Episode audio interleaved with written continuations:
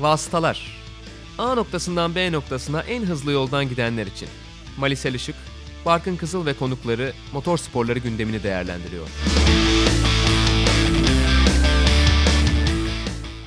Sokrates Podcast'te Vasıtaların 8. bölümünde karşınızdayız. Konumuz Meksika GP, ardından MotoGP Phillip Island, sonrasında VRC'ye gideceğiz.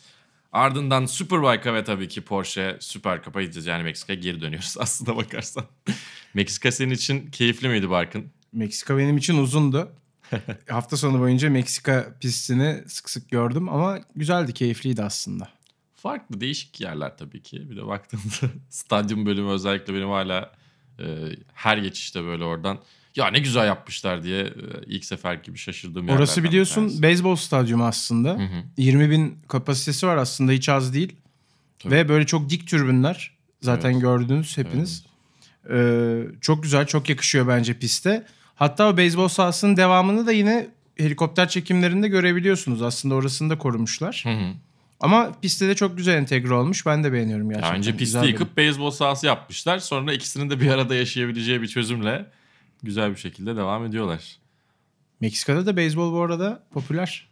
Değil mi? Vasıtalar diye sopalar isimli bir başka spin-off yapacak mıyız acaba? Yoksa konuya bir şekilde girmediğimiz için e, sopalar bize sevgili e, prodüktörümüz Cem Pektor tarafından gösterecek mi? O zaman hemen gireyim konuya. Hadi bakalım. Ee, sıralamayla tabii başlamak lazım Meksika Grand Prix'sine. Ee, Bottas'ın Q3'te son turda hatta son dakikada demek lazım. Hı hı. Son virajda da aynı zamanda yaptığı kazayla beraber aslında bir anda yarışın seyri değişti. Çünkü Max Verstappen aslında hali hazırda en hızlı turu elinde bulunduruyordu. Ama o sarı bayraklara uymadı, yavaşlamadı Bottas'ı gördüğü halde. Kendisi de zaten böyle söyledi. Birazdan konuşuruz. Ve bir ceza aldı. 3 sıra geri düştü gridde. Dördüncü sıradan başlamak zorunda kaldı yarışa. Ve bu cezayı aslında almıyordum Ali. Çok Pit, ilginç. pit duvarının halt yemesi aslında. Üzerine Verstappen'in tüy dikmesi. Yani evet gerçekten tüy dikmesi. Çünkü basın toplantısında bir gazeteci ona soruyor. Bottas'ı gördün niye yavaşlamadın diyor. Yavaşlamadın mı diyor. Hayır yavaşlamadım diyor. Onu demese belki inceleme de başlatılmayacak. Elindeki tur zaten kabul olacak ve hiç o hani ikinci tur yavaşlamadı turu saymayacaklardı. ya bence şey bu Çünkü arada. inceleme başlatılmamıştı. Ya evet de ya hep yavaş kalıyorlar zaten. Çünkü e, Vettel onun önünde pist pozisyonu olarak ve o yavaşlamış. Verstappen yavaşlamamışsa zaten bence onlar bir şekilde işkillenecekti diye düşünüyorum. O da hani zaten böyle bir durum ortaya çıkacakken e, şov yapmanın bir manası yok demiş olabilir. Biliyorsun biraz e, dik kafalı arkadaşlarımızdan bir tanesi. O tarzında ben seviyorum açıkçası. O yüzden yani pek yavaşlamış gibi görünmüyordum değil mi diye sordu. Sonra da hafiften böyle bir dudağını büktü. Ulan acaba demese miydim diye. Ama keyifli oldu tabii ki. Bu arada Bottas bu hafta sonu tamamen Verstappen'e çalıştı ya. Evet inanılmaz. Yarışta da temas ettiler. Nasıl yarış startına bağladım. Çok iyi. Hadi. Yarış startında aslında bol bol temas vardı. Hem ön tarafta hem arka tarafta Hı hı. dışarı gidenler oldu. İşte Lewis Hamilton da paçayı zor kurtardı bir noktada. Aslında İkisi de çok hızlı kontra verdiler ışık hızında. Hem Evet. Hamilton hem Verstappen iyiydi yani. Başkası olsa kaza olurdu bence orada. Sonrasında Verstappen'in lastik patlattığını gördük Bottas'la olan mücadelesinde. Stadyumda mıydı yaptığı atak değil mi? Stadyum bölümündeydi galiba. Olabilir hatırlayamadım Aha. şimdi tam olarak ama. Ee, sağ arka lastiği patlattı. Uzun bir süre boyunca o şekilde devam etmek zorunda kaldı ve işte pite gelene kadar tabii çok zaman kaybetti. En geriye kadar düştü. Tabii bir tek onunla da bitmedi aslında kazalar silsilesi. Bence Meksika pist açısından çok zorlayıcı oldu sürücüler için. Evet. Yani zaten bu irtifa farkından dolayı yol tutuşun kaybolduğundan herkes bahsetti hafta sonu boyunca. Ama pist sınırlarını da çok fazla ihlal ettiler. Yani sadece Formula 1'de değil birazdan Porsche Kupası'ndan bahsederken de yine söyleyeceğiz aslında. Çok fazla uyarı bayrağı çıktı mesela Evet. orada da. Bu anlamda bence zor bir pist. Ve Ya bir de artık olaylara da yol açıyor. Yani Çim daha doğrusu yer koyun veriyor. oraya, çakıl havuzu koyun, bir şeyler koyun. Yani orayı asfalt yaptıktan sonra e, uyarı da geliyor bir şekilde. Çünkü pilotlar oraya çıkabildiklerini biliyorlar. Orası çok büyük bir sıkıntı yaratmıyor. Ben o konuda bilmiyorum biraz şeyim yani. Hani asfaltsa ya da ne bileyim gidilebilecek bir zeminse ya gitsinler ya da oraya gidilemeyecek bir yere çevir diye düşünüyorum ki Amerika'da öyle zaten. IndyCar'ın Austin'deki yarışını izledim. Senenin başındaydı zaten. Hani bir bakayım demiştim ne oluyor burada diye. Bayağı şey kaçış alanlarının sonuna kadar kullanıyorlar. Çünkü Amerika'nın öyle bir geleneği var. Eğer gidilebiliyorsa şeydir fair play, fair game dedikleri. Yani o yüzden pist sınırları açısından bence yani pistin yapısını değiştirmediğin sürece pilotları çok engelleyemiyorsun. Ama dediğin gibi aynı zamanda çok da zorlandı herkes. Bütün bu olaylardan sonra tabii Alexander Albon 3. sıraya kadar yükseldi.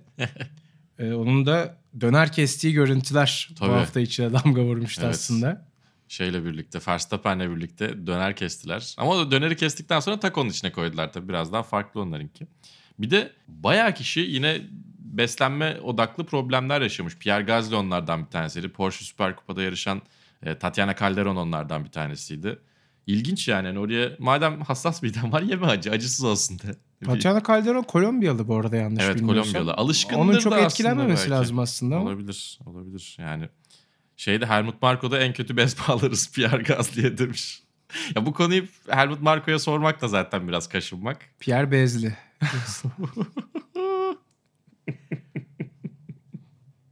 Devam edelim. Ya şimdi yarıştan bahsedeceğiz ama biz yarışı pek anlamadık açıkçası. Yani kimse anlamadı bence. Devasa anlat, bir kafa sen karışıklığıydı benim için. Yani senin de söylediğin gibi Barkın yarışı tam anlamıyla anlayan 3 kişi vardı. Hemen sayalım sırasıyla. Toto Wolff, Lewis Hamilton bir de Serhan Acar. yani ben biraz Serhan'a güvendim. Ha öyle mi oluyormuş diye. Ama gerçekten yarış içerisinde hem hangi lastiğin ne kadar gideceğine dair o çıkan istatistiklerin ne kadar tırışka olduğunu bir kez daha gördük. Aynı zamanda pit çıkışında ne kadar yakın olacaklar Amazon grafiği var ya onu da çok net sallıyorlar. 0.068 diye bir hesap olmaz. Sen onu hesaplayabilecek noktadaysan zaten bizim şu an Skynet tarafından ele geçirilmiş olmamız gerekiyordu. Jeff Bezos akıllı olsun. Ama yani gerçekten hangi lastiğin nereye ne kadar e, gidebileceği ve hangi performansta kalacağı açısından herkesin kafası karışıktı. Hepimiz Hamilton'ın lastiklerinin son 5 turda o hani uçurumdan düşme diye çok kötü bir şekilde Türkçe'ye çevireceğim kısmı lastiğin performansının bir anda kaybolmasını bekliyorduk. Ben beklemiyordum. Ha. Neden? Çünkü telsiz konuşmalarından. Bu yarışın aynısını Monaco'da biz yaşadık biliyorsun. Hmm, Lewis Hamilton tamam. genelde lastiklerden sızlanıyorsa o lastiği çok iyi idare ediyor anlamına geliyor. Artık bunu öğrenmiş olduk. Doğru. Ters manyel yapıyor usta. Haklısın. Ya iki buçuk saniye kadar indi fark. Oradan sonra hiçbir şey olmadı. Leclerc bu arada Bottas'a yetişiyordu. O bizim için heyecanlı olacak diye beklerken Leclerc pist dışına çıktı. Ona da limon sıktı. Evet 3 hata kendisi yaptı pist üstünde. Bir de tabii pit alanındaki hata var. Hatta buradan da pit alanındaki yaşananlara da biraz değinelim. Evet. Çünkü sadece Leclerc'in başına gelmedi. Başka isimler de etkilendiler pitte. Evet Lando Norris'in lastiğini takamadılar. Ondan sonra epey uğraştılar. Tekrar geri aracı pit box'a götürmek zorunda kaldılar. Tabii ki geri geri giderken herhangi bir şekilde aracın kendi e, yarış yönünün tersine aracın kuvvetiyle, aracın kendi ürettiği kuvvetle gidemiyorsun. O yüzden kesinlikle mekanikerlerin onu geriye itmesi gerekiyor. E, aynı şekilde e, Charles Leclerc problem yaşadı. Antonio Giovinazzi çok ciddi bir problem yaşadı. Yani belki o problem biraz daha sıkıntılı olsaydı yani şey e, pistte daha doğrusu pit yoluna döndükten sonra e, çıksaydı bundan kaç sene önce epey sene önce Macaristan'da gördüğümüz tarzda bir mekanikere büyük hızla giden bir arka lastik görebilirdik. Bu noktada insanın aklına şey de geliyor. Acaba pit stoplar fazla hızlı hale geldi mi? Yani 2 saniyenin altını hedeflemek biraz gerçek dışı mı? 2,5 saniyeye sabitlemek ya da 2,5 ile 3 saniye arasını hedeflemek takımlar için daha mı faydalı? Çünkü belli ki 2 saniyenin başı ve 2,5 saniye arasında hata yapmaya başlıyorlar. Ben olsam bunun üzerine bir düşünürüm. Yani evet 3 hata gerçekten bir yarışta çok bence de. Çok fazla. Ki Lando Norris 2 çok dramatik oldu. Fark ettiler. Pit alanından çıkmadan hemen işte koştura koştura aracı geri itmek zorunda kaldılar. E, Çünkü sürücüler pit alanında geri vitesi kullanamıyorlar. Aha. Kurallarda belirtilmiş vaziyette. McLaren ekibine de çok fazla ekstra iş düşmüş oldu aslında arkadaşlarının yaptığı hatayla Akılsız beraber. başın cezasını yine ayaklar çekti. Evet biraz öyle oldu. Sonrasında da Norris'e zaten yarışı bitirtmediler. Evet. Bu anlamda da yine kayıp bir hafta sonu oldu Norris için. Yani çok talihsizlikler geliyor başına. Neden bilmiyorum. Hep de dramatik oluyor ya. Evet. Böyle kendi hatasıyla çok talihsizlik başına gelmedi. Ya Spa zaten başlı başına bir dramaydı. İyidir iyidir bunlar Netflix'e ekmek hep. Güzel oluyor. Bize de ekmek tabii ki de. Onlara daha çok ekmek. Tabii ki Mercedes'in zaferinden bahsetmek lazım bence. Ne zaferi? Devam. Ee, 100. galibiyete ulaştı Mercedes ve bunların 62'si Lewis Hamilton'la gelmiş oldu. Yüzdeye vurursak %62. çok iyi. Sende matematik kafası var farkın. Evet bunu yakından takip edenler varsa bizi zaten biliyorlar. Çok çok büyük bir başarı ve yani bunu yaparken işte o lastiği idare edi- ediş şekli ve hiç temposunu kaybetmeden bunu yapması gerçekten bence çok olağanüstü bir sürüş. Zaten yani ben bunu çok uzun süredir düşünüyorum. Grid'de Lewis Hamilton ve diğerleri diye biraz pilotları ayırmak lazım. Bana sorarsanız şimdiden efsaneler arasında ismini çoktan yazdırdı zaten. Evet. Ve herhalde kariyeri bitene kadar da Schumacher'in de bütün rekorlarını ben geçeceğine artık kesinlikle inanıyorum. 83 yarış galibiyeti oldu. Evet. Az buz değil. Bir de bu arada lastikle alakalı Sebastian Vettel masaj yaptı lastiklere demiş Lewis Hamilton için.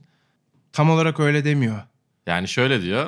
Evet lütfen açıklayalım onu. e, lastiklerine çok iyi davranmış. Adeta masaj yapar gibi. Kadınlarına da böyle masaj yapıyor mudur gibi bir şeyle bağlamış ki ben e, Sebastian Vettel'in gizli bir Aras yetiş olmasından şüphelendim açıkçası.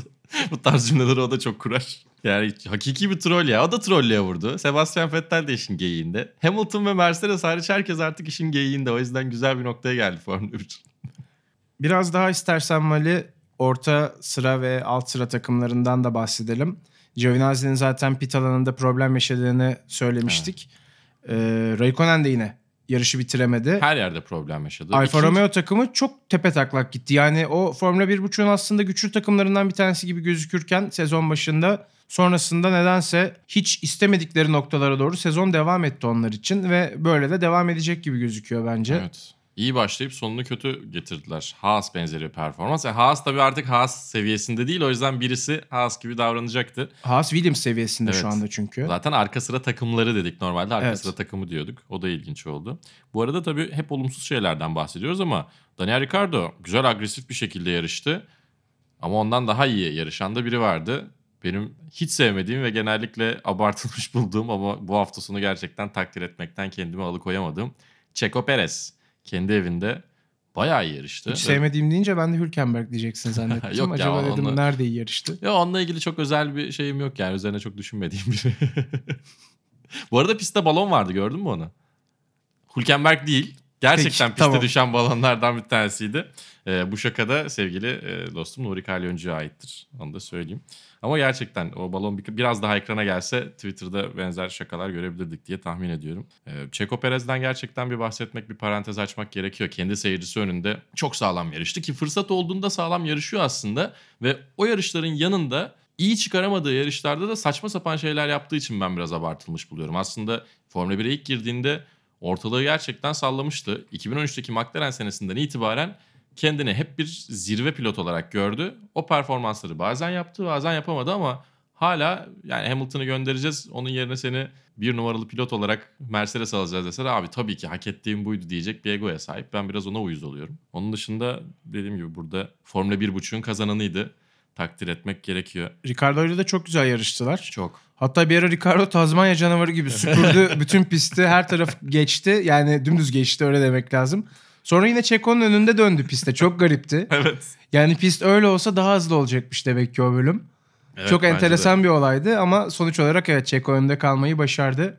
Ben çok akıllıca yarıştı. Mesela hani kendi evinde olduğunu hesaba katıp Max Verstappen önünde fazla kalmaya çalışabilirdi. Bu ona hataya itebilirdi. Hiç öyle şeyler yapmadı.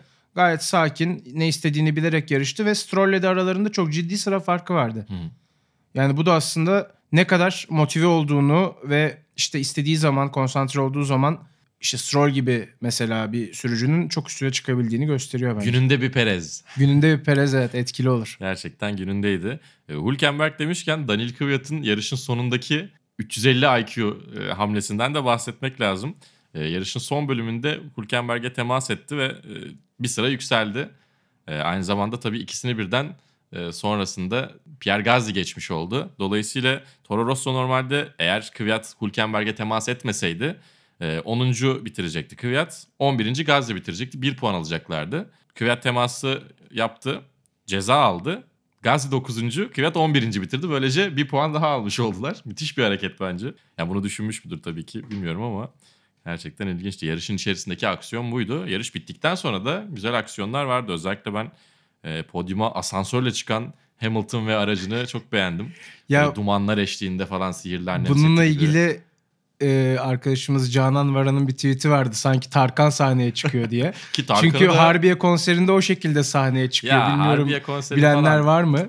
Harbiye konseri değil. Ben şimdi Tarkan'ı Bakü'de sevgili Canan'la ve Haklısın. Pınar, Pınar'la izlediğim için. Orada da mı öyle çıktı peki? Sahnesi çok iyi. Tarkan'ın hep iyi Yerin altından sahnesi. çıkıyor mu asansörle? Yerin altından çıkmıyor Tarkan. O zaman konuyla bağlantısı yok Mali'cim. Ama dumanlar eşliğinde falan. Bir de ben 6,5 metreden izledim Tarkan'ı. Hani o yüzden öyle e, Harbiye'de falan izlenebilecek şeyin çok daha ötesindeydi. Bir de F1 biletine dahildi. Kariyerimin en iyi e, kararlarından bir tanesiydi öyle söyleyeyim. Yarış izleyiciliği kariyerimin. Bayağı Tarkan'da en iyi yani. 6,5 metreden izlenir derler. Doğru. Ya 5 metreden aynı tadı vermiyor diyorlar. Hani çok büyük bir isim olduğu için tamamına hakim olamıyorsun. Aynı şey sinema gibi düşün o. H sırası Evet. vardır ya öyle bir boşluktur süperdir. Çok arkadan izlediğinde de milletin elinden kolundan göremiyorsun. Herkes smartphone'dan izlediği için. Güzeldi. Ama podyumdaki mariachi dayı biraz saçma bir adamdı. mariachi dayıya mı gülüyorsun şu an? Evet biraz güldüm. Ee, o da Stig'in Meksikalı kuzeni diyorlar. Evet. Hatta biraz fazla samimiyeti abarttı o abimiz. Yani ufakta böyle bir tepki oldu sanki sürücülerden bilmiyorum. Fettel fotoğrafa Fark girmeye çalışıyordu. Evet, evet. İttirdim ben onu dedi.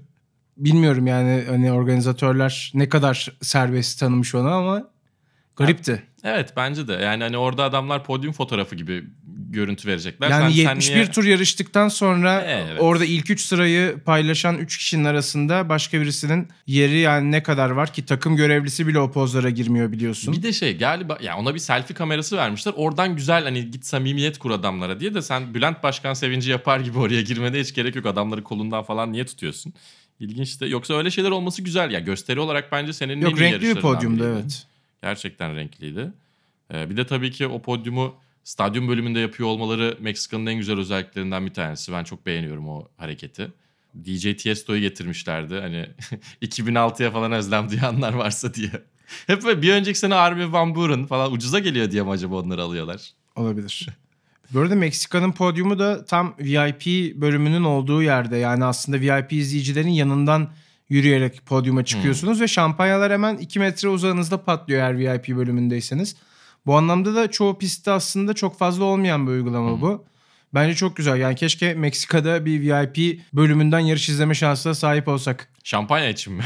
Yok sürücüleri yakından görmek gerçekten bence etkileyici olabilir. Çünkü Formula Doğru. 1 aracı da yanınıza çıkıyor. Doğru asansörle. evet. Ya o hareketi çok beğendim ben. Bazı yerlerde gerçekten yapılabilir. Her pistin yapısı ona uygun değil tabii ki ama yani güzel hareket. O zaman MotoGP'ye geçelim istersen artık. Hadi bakalım. Formula 1'i noktalayalım bu şekilde. MotoGP'de de sıralama turları e, pazar gününe e, ertelendi. Rüzgardan dolayı senin o rüzgarla ilgili çok güzel gözlemlerim vardı. Yani ben uzun süre sonra ilk defa yerinde sayan Martı gördüm havada. Öyle bir rüzgar vardı Phillip Island'da. Tabii o şartlarda yarışın devam etmesi çok söz konusu olmadı. Kardiyo yapmaya gelmiş. Kardiyo yapmaya gelmiş Martılar vardı evet. Ee, tabii Mark Marquez'den yine bahsetmek gerekecek bence yarışta. Ya yarış öncesinde de yine kendini aşan bir hareketle 70 derece motoru yatırdı. Düştü aslında. Düşmüyor da demek doğru mu bilmiyorum. Düşüyor ama düşmüyor. Yani motosikletten ayrılmıyor. Omzunu dizini mizini kıçını başını koyup yine kaldırdı motosikleti. Ya hızı çok etkilendi ama ya 70 derece yatırdıktan sonra motosikletin hala üzerinde kalması, motosikleti tekrar kaldırabilmesi çok ilginçti.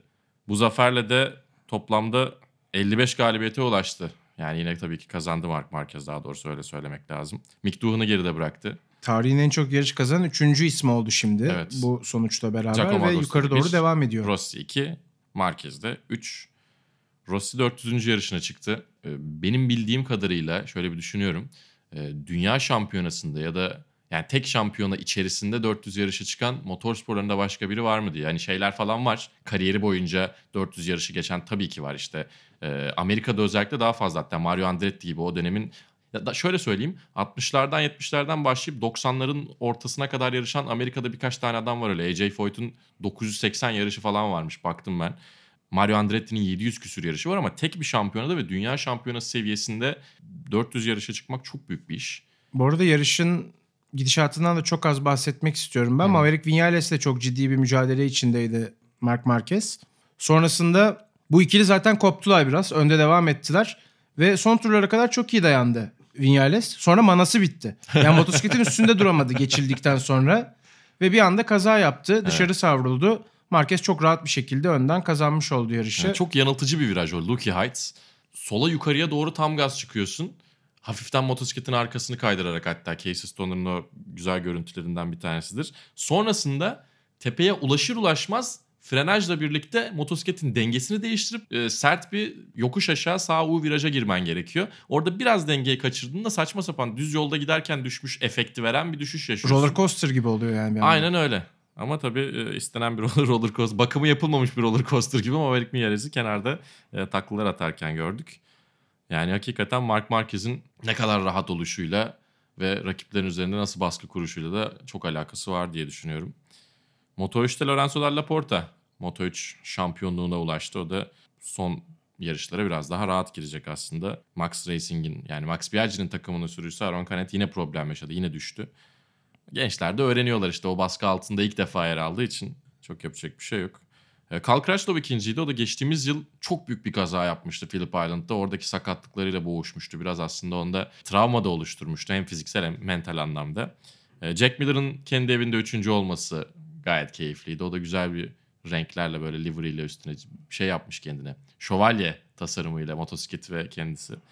Yani aslında podyumun tamamı bir, bu ara bir şeyler elde etmek isteyen, yani Marquez'i kenara bırakıyorum tabii ki podyumu tamamlayan isimler. Bu ara bir şeyler elde ettiğinde güzel moral olabilecek insanlardı. O yüzden bence keyifli oldu. Ama Phillip Island'ın standardına göre son birkaç senedir daha doğrusu 3-4 sürücünün galibiyet mücadelesi içerisinde olduğu bir yarış görmedik. O açıdan da bir parça eksikti aslında. Önümüzdeki yarışta Malezya'da olacak. Sepang'a gidecek MotoGP onu da hatırlatalım. Galibiyet için favorin var mı? Yani düşünüyorum belki Marquez kazanabilir. Teşekkür ederiz. Dünya Rally Şampiyonası'nda da bir hegemonyaya veda ettik. Artık yeni dünya şampiyonu Fransız değil, yeni dünya şampiyonu Sebastian değil. 2004'ten itibaren başlayan Fransız Sebastianlar silsilesi. Birinci Sebastian Loeb, ikinci Sebastian Ogier ile adamlar 14 sene domine ettiler. Ve artık yeni dünya şampiyonu Oyt Tenak Estonya'da e, insanlar sokaklara dökülmüş.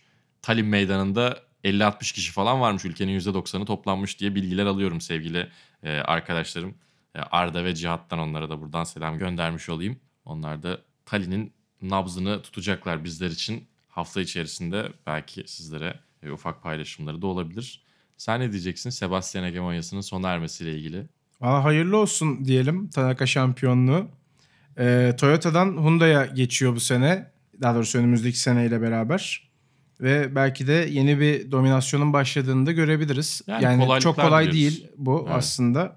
Ama işte Loeb'in 2004-2013 arası şampiyonlukları, Ogier'in 2013-2018 arası şampiyonlukları son dönemde bize Dünya Rally Şampiyonası'nda bir kazananın kazanmaya devam edebildiğini işaret ediyor. Bakalım Tanak da bu kulübün içine girebilecek mi? Evet çok hızlı.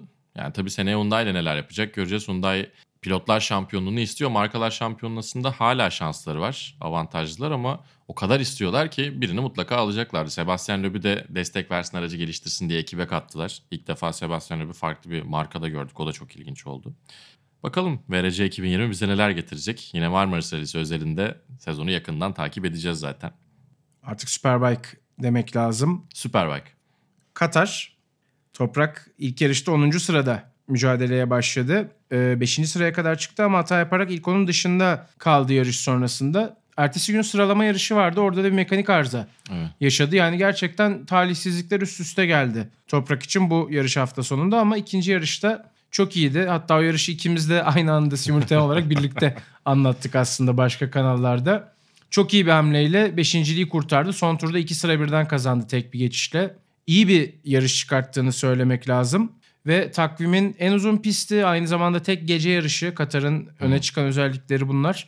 Sen de spikeri olarak Spikerliğimi nasıl görüşlerini bizlerle beğendiniz? paylaş. Aynen. Ya bir de çok tozlu. Yarış çizgisinin dışına çıkar çıkmaz dengeyi kaybedebiliyorsunuz. Zaten e, ilk yarıştaki sıkıntısı biraz o yüzdendi. Bir de Toprak bazen yarışın sonlarına doğru arka lastik problemi yaşıyordu. Aşınma problemi yaşıyordu. Hafta sonu içerisinde onunla ilgili ufak bir şeyler kendi sürüşünde değiştirip ikinci yarışı güzel bağladığı oluyordu. İkinci yarışta da onu yaptı aslında. Belki Super Pole yarışında o ayarları deneyebileceklerdi. Ona çıkamamaları dezavantaj olmasına rağmen yarışın sonuna doğru biraz daha sakladı. Kendini sakladı. Lastikleri sakladı. Ki MotoGP'de de birkaç senedir gördüğümüz Katar stratejisi bu zaten. Yarışın temposunu lider düşürüyor. Herkes sona kadar biraz lastikleri koruyor. Sonrasında free for all dediğimiz tabirle e, herkes bir şekilde zorluyor. Tabii bir taraftan e, Jonathan Ray Katar'da 3 senedir geçilmiyor. Jonathan Ray Türkiye hesabının biricik admini Barkın Kızıl bize biraz Jonathan Ray över misin? Yani övmekten artık ben yoruldum. Gerçekten yani artık ortada bir iddia kalmamış olmasına rağmen kendi rekorunu egale etmek için bu yarış hafta sonunda müthiş bir sürüş gerçekleştirdi. Katar'da hiç yenilmedi. Yine serisini devam ettirdi aslında bu anlamda. Ve zaten şampiyonluğu çoktan garantilemiş olarak geldiği Katar'dan da galibiyetlerle ayrıldı. Ailesi yine buradaydı. O da güzel görüntülerdi aslında. İki oğlu, eşi, annesi. Neydi çocukların isimleri? Jake ve Tyler galiba. Teşekkür ederim. Bu bilgiyi sevgili Barkın bana vermişti değerli dinleyiciler. Yayında da kullandım. Çok teşekkür ediyorum bir kez daha. Alex Lowe's da bir dünya üçüncüsü oldu. O da Evet. önemliydi. Çünkü Ray ve Bautista zaten başlarını alıp gitmişlerdi puan durumunda. Üçüncünün kim olacağını öğrenmek istiyorduk biz. Lowe's, Van der Mark ve Toprak en güçlü üç adaydı. Ki aslında bu adayların da şöyle birbiriyle bağlantısı var. İki Pata Yamaha sürücüsü Lowe's ve Van der Mark. Toprak da önümüzdeki yıl o takıma katılıyor. Lowe's Kawasaki'ye gidecek. Ray'in takım arkadaşı olacak. Zaten bundan daha sonra detaylı olarak bahsedeceğiz önümüzdeki programlarda. O yüzden çok da fazla uzatmak niyetinde değilim açıkçası. Toprak aynı zamanda en iyi bağımsız sürücü oldu. Turkish Buchet Racing en iyi bağımsız takım oldu. O da çok iyi bir başarı. Yani önümüzdeki yıl için şampiyonluk mücadelesi içerisinde yer alacak gibi görünüyor zaten Toprak. Tek bir not ekleyeceğim ona. Ee, en iyi bağımsız takım klasmanında Toprak hem Sandro Cortese ile hem Marco Melandri ile yarıştı. Yani Evet. bu ikili takım arkadaşları Toprak tek başına bir takım ve ikisini birden geçmeyi başardı toplamda. Melandri de son yarışına çıktı. Ustayı da şöyle bir küçük analım. Emekli. Katar'la orada. beraber evet emekliliğine ilan etti. Uzun yıllar keyif verdi bize. Grid'in de en yaşlı ismiydi zaten bırakana Tabii, kadar. Evet. Ryuichi Kiyonari ile birlikte 37 yaşında. Aslında 37 motor sporları için, motosiklet sporları için biraz genç. Bir yerlerde bence tekrar yarışır o. Yani İtalya Superbike şampiyonası falan gibi yerel serilerde de olsa bence böyle bir, bir sene dinlendikten sonra tekrar bir şeyler yapar. Ya da bir markanın test sürücüsü olabilir. Yani tamamen uzaklaşacağını düşünmüyorum padoktan. Biraz genç onun için belki. Ve senin için hafta sonunun özeti diyebileceğimiz Meksika'ya geri dönüyoruz Barkın. Evet başladığımız yere geri dönüyoruz. Vay Nolan filmi gibi miyiz? Öyle. Güzel. Porsche Super Cup'ta biliyorsunuz Formula 1 takvimini takip ediyor ve e, sezonun tek çift yarışlı yarış hafta sonu Meksika sezon finali için. Buna benzer bir uygulama Formula E'de var biliyorsun Mali. Evet. Orada da çift yarışla bitiyor sezon. E, Meksika'da da Ayhan Can'ın şampiyona ikinciliği şansı vardı işte yarış hafta sonu öncesinde ve e, ilk yarışta sadece bir puana ihtiyacı vardı çaylaklar şampiyonluğu için. Zaten orada çok önde yani neredeyse iki kat fark var en yakın takipçisiyle arasında. Onu çok rahat gerçekleştirdi. İkinci sırada başladığı yarışta ikinci olmayı başardı. İkinci yarışta tekrar ikinci oldu. Sadece Amel geçildi. Sıralamayı da dahil edersek Amel sonra pistin en iyi ismiydi. Farklı bir şekilde açık ara çünkü iki yarışta da 10 saniyeye yakın veya üstünde fark yaptı. Sıralamada Amel aralarında 0.4 saniye vardı. Ee, onun da dışında zaten diğer isimler daha yakın sıralanıyorlardı birbirlerine. Bir de ilk defa çıktığı bir pist. Sonuçta uzak bir yerde bir okyanus geçerek gidiyor. İrtifa farkı var. Pek çok farklı değişken olmasına rağmen bence çok iyi adapte oldu. Ki ya zaten yarışta çok keyifliydi. İkinci yarış özellikle. Tabii ikinci yarışta bir de dananın kuyruğu kopacağı için biraz daha fazla heyecan vardı aslında. Ama şöyle bir avantajı vardı Ayhan Can'ın. Tabii iyi sıralama turuyla beraber ikinci sırada kalkıyor olması zaten onun için çok büyük avantajlı. Çünkü sadece 2 puan fark vardı en yakın rakibiyle arasında. Bu şampiyona ikinciliği için bahsettiğimiz mesele. Ve o en yakın rakibi Larry Tenford 14. sıradan yarışa başladı. Ki Porsche serisini izliyorsanız eğer biliyorsunuzdur. Geçiş yapmak öyle çok çok kolay değil Porsche Cup'ta. Çünkü araçlar aynı. Tamamen neredeyse sürücüye dayanıyor. Her takımın sadece ufak farklı ayarlar yaptığını görüyoruz. Yani 14'ten başlayıp ikinci sırada başlayan Ayhan Can'ı yakalayıp geçmesi çok zordu. Bu anlamda Ayhan Can da önemli bir avantajla başlamıştı ve şampiyonada ikinci oldu. İlk senesinde çok önemli bir başarı. Aynen öyle. Yani tertemiz bir sezon onun için. Ee, Hem Porsche Fransa Kupası'nda inanılmaz bir finalle çifte, Çifte şampiyon, oldu. Ee, Burada en iyi çaylak artı yarış kazandı. Üzerine sadece Mihail Mermüller'in arkasından sezonu ikinci bitirdi. Yani e, bir checklist varsa Porsche'nin elinde veya diğer markaların elinde belki farklı serilerden. E, Onların %90'ını en azından işaretlemiştir diye tahmin ediyoruz. O yüzden güzeldi gerçekten. Yarışta startta Mermüller'i geçmesi de bence oldukça güzeldi. Evet iki yarışta da memurları geçti startta aslında. Sonrasında yanlış hatırlamıyorsam 5. virajda iki yarışta da Amer Müller geldi sırasını geri aldı. Ayhan Can biraz daha orayı dışarıdan dönmeyi seçiyor. Amer Müller Apex'lere agresif saldırıp hemen içeriden o boşlukları iyi değerlendirdi. Ya Ayhancan Apex'lere agresif saldırınca ceza veriyorlar. Evet, çocuğa. evet, öyle oluyor gerçekten. ağzı yanmıştır biraz. Doğru söylüyorsun. Ee, bir de yani Amer Müller gerçekten bu pistte uçuyor. Onu söylemek lazım. Tur zamanları çok çok hızlıydı. Açtığı farklar zaten ortadaydı.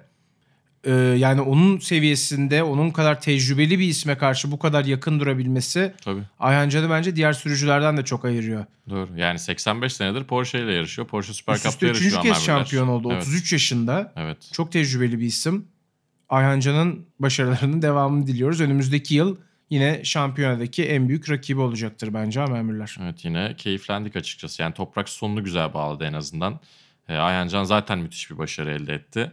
Bence Türk motorsporları için de yine güzel bir hafta sonu oldu. Artık yavaş yavaş vasıtaların 8. bölümünü kapatıyoruz. Ben Malis Elişik. Ben Barkın Kızıl. Bu yayının aktarımında sizlere yardımcı olmaya çalıştık. Bizi dinleyin. Hoşçakalın. Hoşçakalın.